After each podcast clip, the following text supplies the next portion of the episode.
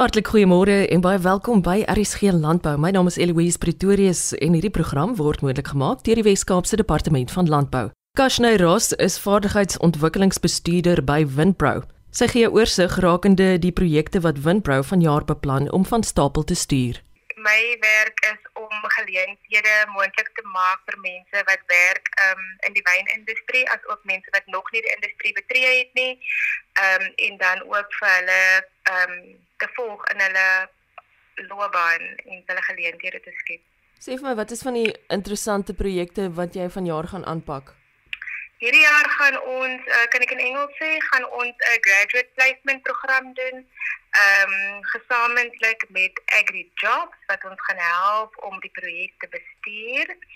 Ehm um, ons het ook 'n stelsel wat jy noem die leerder bestuurstelsel en so identifiseer ons hier behoeftebepalings watter behoeftes daar is vir um, mense wat werk in die industrie ingesluit die plaaswerkers en al aktiwiteite op dit nou snoei is of kommunikasieontwikkeling uh tot en met ehm um, die ontwikkeling van wynmakers op leierskapprogramme as ook ehm um, plaasbestuurders wat ons uh op leierskapprogramme gaan sit. Ehm um, so dit is 'n paar van die highlights wat ons gaan doen. Sê my bietjie van die suksesse wat jy al in die verlede gehad het suksese wat ons in die verlede gehad het is um omdat ons opleiding um in die verlede gefragmenteerd gedeur het en ons kon nie opnames neem van mense wat opgelei word en hoe om te investeer in talent en hulle te identifiseer nie, het ons 'n stelsel geskryf uh, wat die leerder bestuurstelsel is en ons ons industrie, dit beteken die besighede en die werkers kan um, die stelsel gebruik om leergeleenthede te identifiseer en hulle behoeftes te identifiseer, ehm um, wat koppel aan die werk wat hulle doen en dan bestuur ons en ons koördineer die verskaffing van daai opleiding en ons werk met die diensverskaffers om om daai opleiding aan te bied. Ons het nou ons werk met ehm um, verskeie diensverskaffers en dit sluit nou in die besigheidskool by ehm um, UCT, dit sluit in Stellenbosch uh se besigheidskool, dit sluit in die South African Sommeliers Association, a Paragon, die Cape Winemakers Guild, uh Wine Training South Africa 'n future me massage, windprose opleiding en tegniese programme ook CPUC. En ehm um, ons het baie goeie verhoudinge met die ehm um, governmental organisations en dit is die AgriSeta, FoodSeta en CAFSeta so ons kry befondsing ook van hulle af wat ons kan ehm um, aanwend terug in die industrie. Ek kan my indink dit is baie voordelig vir boere ook. Natuurlik. Ons ons uitgangspunt is om mense relevant te hou um, binne dit wat hulle doen binne die industrie. So as daar enige nuwe tegnieke en praktyke voorkom, deel ons dit met produsente en ook hulle werkers deur um we call it knowledge donation days. En dit is nogal 'n gro groot fokus ook vir hierdie jaar waar ons nooi spesifieke hulle in die waardeketting soos primary production of die produsente, hulle gaan 'n knowledge donation day hê en ons werk ook baie nou met Velco en met die snoei kompetisie, um, sodat ons mense kan opskerp in hulle kennis en vir hulle daai tipe recognition uh, te kan gee. So doen ons ook vir die wynmakers, vir die wat werk in toerisme, vir die wat werk in logistiek en distribusie en die wat ook werk in bemarking. En net om aan te heg by dit het ons 'n professionele liggaam gestig en dit beteken ons sal nou kan en van hierdie jaar af kan ons 'n plaaswerker kan um, jy noem dit 'n designate. So we will be able to designate a viticulture farm worker. Dit beteken hy hoef nie 'n kwalifikasie te hê nie maar ons as industrie erken hom vir die 30 jaar of 20 jaar wat hy werk in die industrie. Ons erken hom vir sy kennis en sy prakties wat hy eh, toepas binne die industrie dis ongelooflik Kashne sê my hoe maak ek indien ek meer hieroor wil uitvind of as ek dalk met jou wil kontak maak Ja, eerstens jy kan my kontak uh, per e-posadres. Dit is kashnay k a c h n e @say.co.za of jy kan uh, my inligting en die afdeling se inligting kry op ons webwerf. Dit is www.say.co.za. Of wat ek kan byvoeg is dat as ehm um, mense, produsente, besighede, kellers wil deel wees van geleenthede, ehm um, moet ons hulle asseblief ons kontak of hulle kan ehm um, registreer op ons LMS. Uh, hulle sal dit op ons webwerf kry, webtuis te kry, ehm um, sodat ons kan weet wie hulle is en hulle kan identifiseer. Ehm um, ons kan per plaas sien wat die behoeftes is. So ons database en ons stelsel is so kompleet uitgewerk dat ons kan sien wat gebeur op elke liewe plaas. So asseblief maak gebruik van wat ons het vir industrie. Wat is LMS? LMS is 'n leerder bestuurstelsel.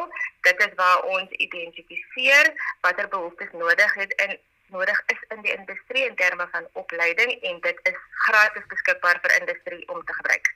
Kashnay Ross is vaardigheidsontwikkelingsbestuurder by Winpro. Ons bly vir 'n oomblik langer in die wynbedryf. Hardus van Heerden is tegniese en verkoopsbestuurder by Soferlab. Hy gesels oor byvoegings wat vir wynproduksie vervaardig word. Ek het wingerd en wynkunde geswat, so dit is dit is my rigting. Ehm um, en het ek 'n jaar nagraads in in logistiek opgedoen, so net so 'n bietjie besigheidsagtergrond ook te verstaan, ehm um, wat eintlik baie baie handig te pas kom op die oomblik. Ardus, waarom is daar byvoegings in wyn?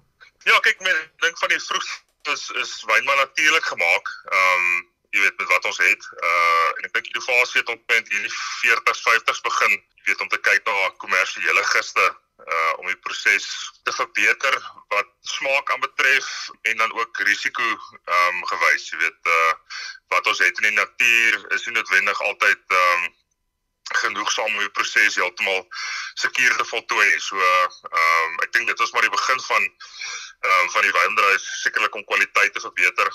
Ehm um, en dit het uitgebrei tot 'n enorme ehm um, industrie wat innovasie het op verskillende vlakke. So uh, ja, dit is maar die bystand om om wynkwaliteit dink ek te verbeter en ehm um, ja, die die risiko of uh, die gemoedsrus vir vir kellers um, daar te stel. Wat sou jy vir my kon sê wat interessant is rondom veganistiese wyne? Ek dis 'n groot ehm um, uh, ek weet nie of dit 'n inding op die oomblik is nie, maar dit is uh, dis definitief 'n beweegruimte waar waar aankopers heen om om vegan wyne te te versoek. Ehm um, so waar ouens in die verlede iets soos uh gelatine gebruik het in verskeie prosesse in die wyndryf, eierwitte om wyne sagter te maak. Ek weet uh, in Frankryk gebruik ons baie eierwit. Ehm um, moes jy die skuif gekom om om vegan wyne te maak. So ehm um, daar's produkte wat vervang. Dis nie eintlik 'n groot skuif nie in die in die aanpassing van 'n wynkeldery. Daar's definitief 'n druk van die van die verbruiker aankoper se kant af om om geen wyne te produseer. Ehm um, so daar's daar's 'n groot skuif in in dat uh, die maatskappy waarvoor ek werk ehm um, maar weer laat of Sofra Lab die groter groep het in die 90s met 90s al begin om plantproteïene te ontwikkel om om hierdie produk te vervang. So uh, ja, ek meen dis dis definitief verskuif en dit die druk op al hoe groter mense mense sien al hoe meer mense met kliënte gesels dat daar dat daar definitief meer beweging in die vegan rigting is. Ja, aankoper af net om jou ek dink net om die mark ehm um, heeltemal te cover as ou so kan sê. Weet veganiste dat die wyn wat hulle koop en drink vegan is? Ek dink tot 'n mate kyk hulle daarvoor. Kyk, ek glo nie almal dui aan dat dit vegan is nie as al is hulle vegan, ehm um, of of vegan geproduseer nie. Ehm uh, maar dit is definitief kom ons sê die meer uh, militaristiese vegans kyk sal definitief op die op die etiket kyk of dit uh, of dit vegan is. So uh, ek dink vir vir verskeie aankopers, die groot supermarkgroepe, ehm um, veral in die buiteland, ehm um, is daar vereiste dat vegan moet wees en soos ek sê dan die ou wat nie vegan is, jy gee nie om 'n vegan wyn te drink nie, uh, omdat dit dieselfde is as wat uh, wat al die jare al gemaak is uh, of of dieselfde tipe styl is wat um, wat wat hulle normaalweg sal aankoop. Uh, maar dink vir die vegan vegan koper of die vegan drinker is dit belangrik om te sien dat dit wel vegan wyn is. Organiese wyn, wat sou jy my daaroor kon sê? En dit voel ook altyd vir my En miskien is dit my verbeelding dat wanneer ek 'n glasie organiese wyn drink, is die kans op hoofpyn in die oggend kleiner. Ja, ek dink tot 'n mate kan ou so so redeneer. Ek dink organies ehm um, probeer die ouens baie meer natuurlik te werk gaan. Daar is baie baie byvoegingsprodukte ehm um, wat organies is. En nie net omdat dit organies is wat die ouens dit gebruik nie, maar omdat dit 'n 'n goeie produk is om te gebruik. So ek dink op die oomblik is is organiese moeilike 'n tema om te bespreek ehm um, omdat produsente nie eintlik meer kry vir organiese wyne as vir 'n tradisionele wyn nie. So die druk uh weet van van aankopers is is is moeilik om regverdig. In die kelder is dit nie noodwendig 'n moeilike ding om te produseer nie. Soos ek sê, daar's baie produkte tot jou beskikking. Ek dink waar die probleem kom is nie is in die wingerd. Ehm um, 'n ou se beskerming wat ehm um, gifstowwe aanbetref wat jy mag spuit is is soveel minder. So jou risiko tot bederf en en oesverliese is, is baie groter. So die koste wat die produksiekoste vir, vir organiese wyn is heelwat meer um, as ou na die hele ketting kyk in vergelyking met tradisionele metodes. Ek weet nie of daar so massiewe groei in organiese wynproduksie is nie en ek weet van 'n paar uh produsente wat weer teruggeskuif het van organies na na tradisionele metodes net net oor die feit dat die die aanvraag nie noodwendig uh, aan die groei is nie en die en die produksiekoste en die en die um, verliese um heelwat hoër heelwat hoër is met die organiese boerdery. As 'n wynprodusent vir my sê hy of sy het 'n natuurlike filosofie, wat beteken dit? Natuurlike filosofie is uh, jy wil so min as moontlik uh, toevoegings in die wyn wyn sit. So ou sal natuurlike fermentasie gebruik wat beteken jy gebruik die natuurlike gis wat op die top van die druiwe is om die fermentasieproses te voltooi. Uh, vergelyk met 'n kommersiële gis is die proses heelwat stadiger. Ehm um, uh, kan 'n bietjie risiko wees met uh, met sekere bederf, maar deesdae maak ouens verskriklike mooi natuurlike natuurlik gefermenteerde wyne. Ehm um, dit gee vir jou met 'n ander geurprofiel, 'n mondgevoel. Ehm um, so daar's definitief 'n mark vir dit. Ek dink die in Suid-Afrika vir alles ou kyk na die Swartland uh, area is daar baie produsente wat daai wat daai roete volg ehm um, en hulle koop wyne vir uh, astronomiese pryse in in in ons in ons raamwerk.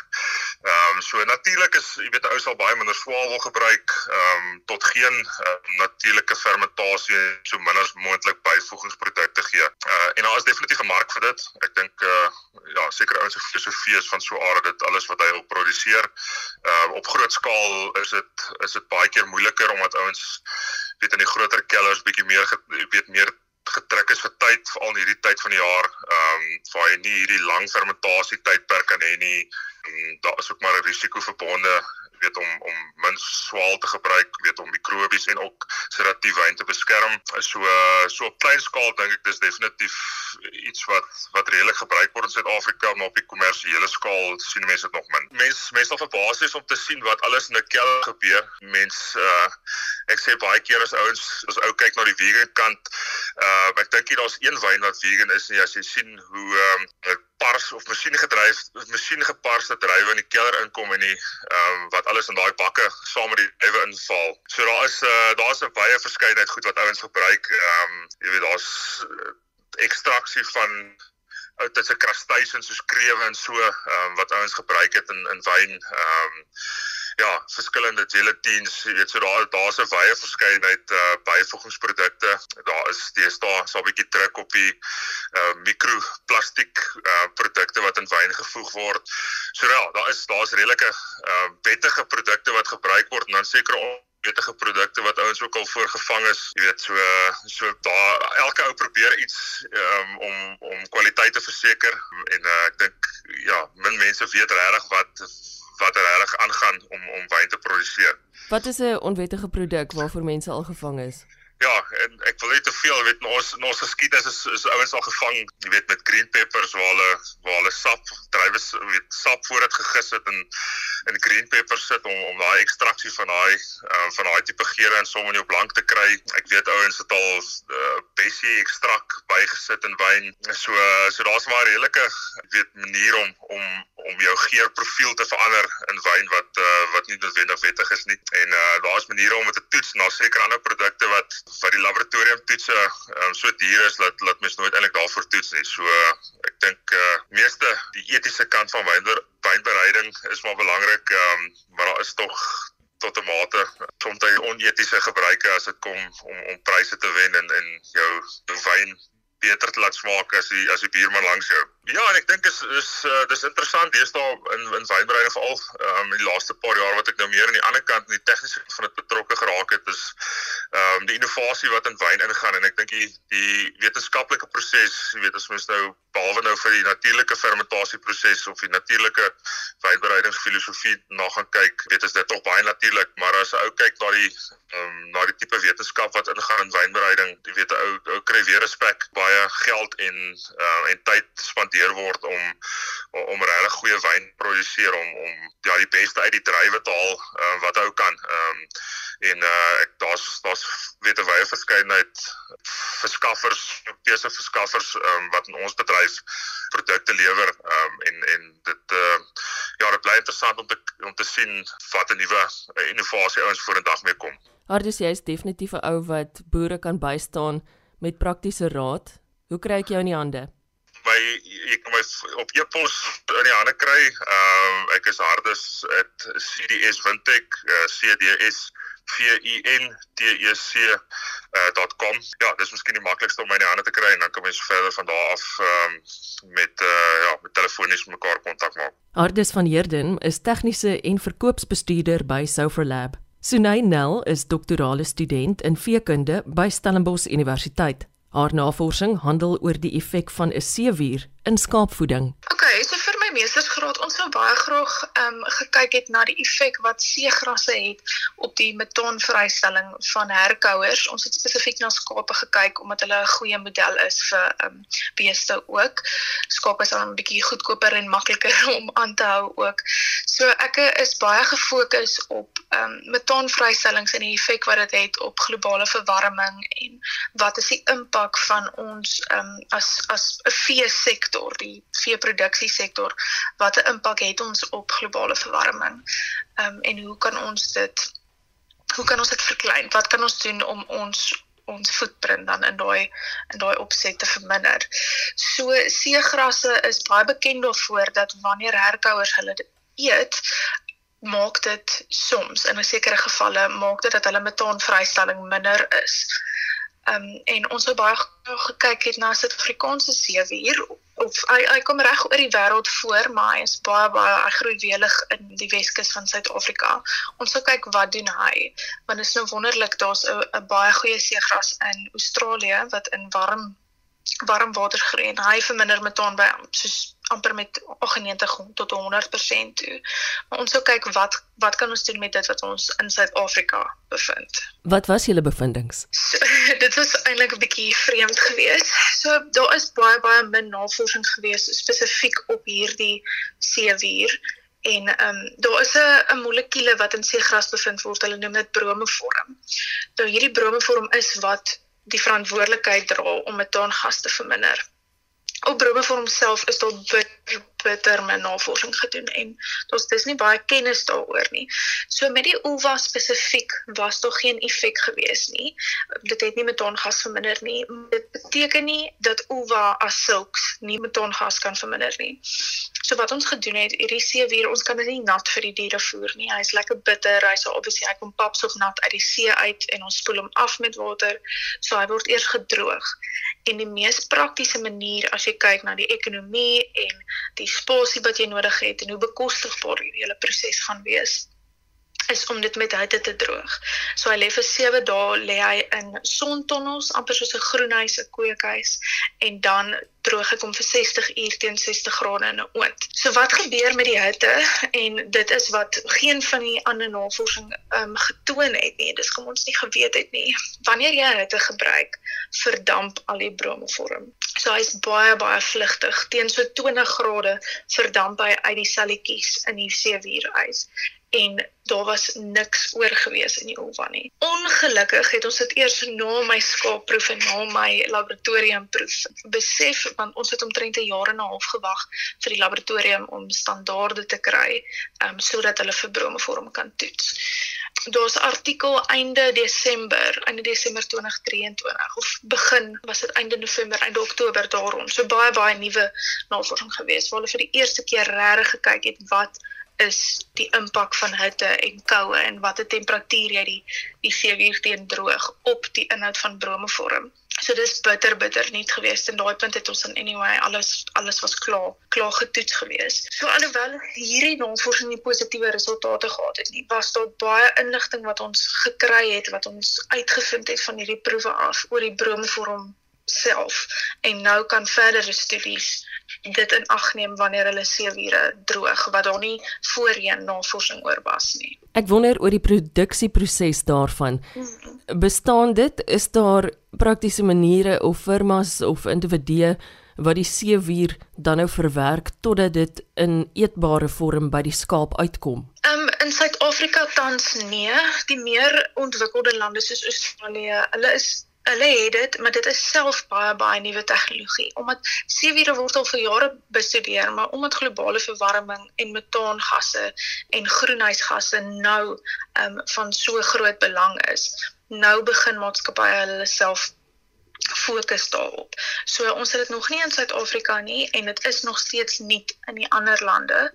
Maar daar is 'n paar maniere waarop jy die seewier kan droog. Wat die mees prakties sou wees is wanneer jy hittedroging gebruik. Maar vriesdroging werk ook. Daar's nog steeds omtrent so 40% verlies van bromevorm, maar dis beter as 100% verlies. En dan wat baie nuwe tegnologie is en dis daar's nou proewe aan die gang om dit te toets, is waar jy die seewier basies baie baie fyn maal en jy sit hom in 'n olie en die olie word dan toegedien aan die skape en bo op hulle bestaande kos of gemeng in hulle bestaande kos in. Um en daarbey bou jy die meeste brome vorm. Maar tans soos ek sê dit is nog in 'n ontwikkelingsproses. En die vriesdroging alhoewel dit beter is as hittedroging is ongelooflik duur. Om groot skaal seewier te droog gaan dis nie prakties om dit met vriesdroging te doen nie. Alhoewel nie nou nie. Nie nou terwyl daar nog nie groot konstruksie is groot fabrieke is wat dit kan doen nie. So vir nou is daar nog nie 'n lekker antwoord nie. Al wat hulle nou kan doen is om te kyk na seewiere wat van die begin af wanneer hulle nat is seewiere wat baie bromevorm bevat. So ulva as sulks bevat nie verskriklik baie bromevorm nie.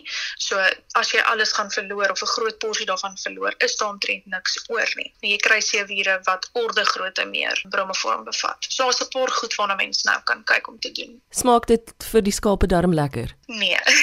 um, sekere seegrasse is bietjie erger as ander. Die ulva um, spesifiek is baie bitter. So natuurlik wanneer hy uit die see uitkom of uit die soutwaterplantasies uitkom, is hy baie sout, maar ons spoel meeste van dit af met vars water. Ek het dit self geproe. Ehm um, ek het gevoel as my skape dit moet eet, wil ek ook aan my eers weet hoe proe die en hy is nie baie lekker nie. So wat jy doen is omdat hy ingemeng word in die in die hele dieet van die skaap, met die ulva hou jy hom redelik laag. So my hoogste insluitingsvlak was 10% gewees en ek het met die 10% groep het ek 'n afname in inname gesien. Ehm um, hulle wou hulle definitief minder geëet want hy is lekker bitter. Wat was die uiteindelike bevindinge waarby jy toe nou uitgekom het gedurende hierdie navorsing? Daar was nie daar was nie positiewe resultate nie en dit het baie alhoewel ons nie 'n direkte antwoord gekry het vir my ondersoekvraag nie, het ons besef die volgende mense wat hierdie werkstuk kan lees, gaan weet wat om nie te doen nie. En daar was baie nuwe inligting oor die bromevorm. Ons het dit baie bestudeer. So vir nou het ons bevind hierdie monster van Uva lactica het nie metaangas verminder nie, maar dit kan indien jy 'n ander preserveringsproses sou gebruik. Wat baie positief wat ons wel kan sê is tot en met 'n insluitingsvlak van 5% van die dieet behandel die skape dieselfde produksie. Hulle het nie minder gewig opgetel nie. Hulle eet nog steeds dieselfde. Hulle voer omsettingsverhouding is dieselfde. So dit was baie positief. Maar ons het nie 'n direkte effek op metaangas gehad nie. Mens moet altyd in gedagte hou dat in die wetenskap is 'n negatiewe resultaat steeds 'n resultaat. Absoluut. Dankie tog ons kan nog steeds ons grade kry al was dit 'n nee. Sê my, dink jy daar is 'n geleentheid vir iemand wat vernuwend gaan dink oor die saak en die proses dan nou kan verder neem, ook in die hand van jou navorsing? Ek dink absoluut so. Ehm um, alhoewel alhoewel die die vee sektor 'n groot bydrae het tot globale verwarming, is dit nie die grootste nie. Maar daar is nog baie werk om te doen en ek dink nie ons moet ophou soek vir nuwe oplossings of dit 'n nuwe seewier, 'n nuwe preserveringsproses. Ek ek dink nie ons moet ophou nie. En alhoewel daar reeds baie navorsing is oor 'n ander seewier in Australië, um, soos ek genoem het, dink ek ons moet nog steeds kyk na plaaslike antwoorde. En wat het ons hier in Suid-Afrika wat hier prakties gaan werk? Dat ons nie nog iets hoef in te voer nie, want dit is 'n dis 'n globale probleem. Dis nie net Amerika of Australië of Europa se beeste wat met ons maak nie. Dis ons en ook. En alhoewel ons 'n kleiner bydra maak in as jy kyk na karre en fabrieke, dink ek daar is nog baie werk wat ons kan doen en 'n groot verandering wat ons kan maak. En alhoewel dit dis absoluut 'n moontlikheid dat daar minder seewier gaan wees, maar nog 'n voordeel van seewiere gebruik hiervoor is dat ons nie dan afhanklik is van vars water nie. So sou dit werk en dit was die, die een van die doelwitte gewees van hierdie studie is kan ons lucern vervang met seewiere en dan is ons minder afhanklik van die varswater om meer lucern te groei want ons kan dit uit die uit die see uitneem of uit in seewater kweek. So daar's 'n paar positiewe nie net die metaangas wat ons kan hê nie. Positiewe veranderinge daar nie, maar ook op ons afhanklikheid van varswater want met globale verwarming en die hoeveelheid mense wat ons op die planeet het, gaan varswater oor 'n paar jaar 'n probleem raak. Baie interessant wat jy gedoen het. Ek weet jy's nou op die oomblik doenig met jou PhD. Waaroor gaan dit? Ja, ook oor metaangas. Ek dink ek het nou my gootjie in die wêreld gekry. So met my PhD gaan ons bietjie kyk na die hoeveelheid byprodukte en weggooi produkte van die menslike voedselketting wat ons insluit in melkbeesrantsoene. Hierdie produkte is tipies hoë in vesel en dit gaan maak dat beeste meer metaangas produseer as byvoorbeeld 'n skoon mielie wat nie so baie vesel het nie. Maar ons vat baie van hierdie produkte weg van die stortingsterrein af en ons weet dat wanneer plante afbreek op 'n stortingsterrein of agter in jou erf waar ook al produseer hy ook baie metaangas. So sou die dag kom wat ons koolstofbelasting gaan begin betaal in Suid-Afrika soos wat hulle reeds in Europa doen. Mag ons boere en spesifiek vir hierdie hierdie navorsing melkboere mag ons onnodig gepenaliseer word want ja ons beeste maak ook nou 'n bietjie meer metaan omdat ons hierdie weggooi produkte gebruik, maar ons keer dat dit op die stortingsterrein kom en ons kry melk en vleis in ruil daarvoor. So ek het gevoel ons moet bietjie krediet kry daarvoor dat ons die weggooi produkte weg van die stortingsterrein afvat en ons maak iets wat mense daarmee kan doen. Ons maak 'n produk wat mense kan eet. So my selfoonnommer is 060 984 2867 en my e-posadres waar enigiemand my kan kontak is sunay.nel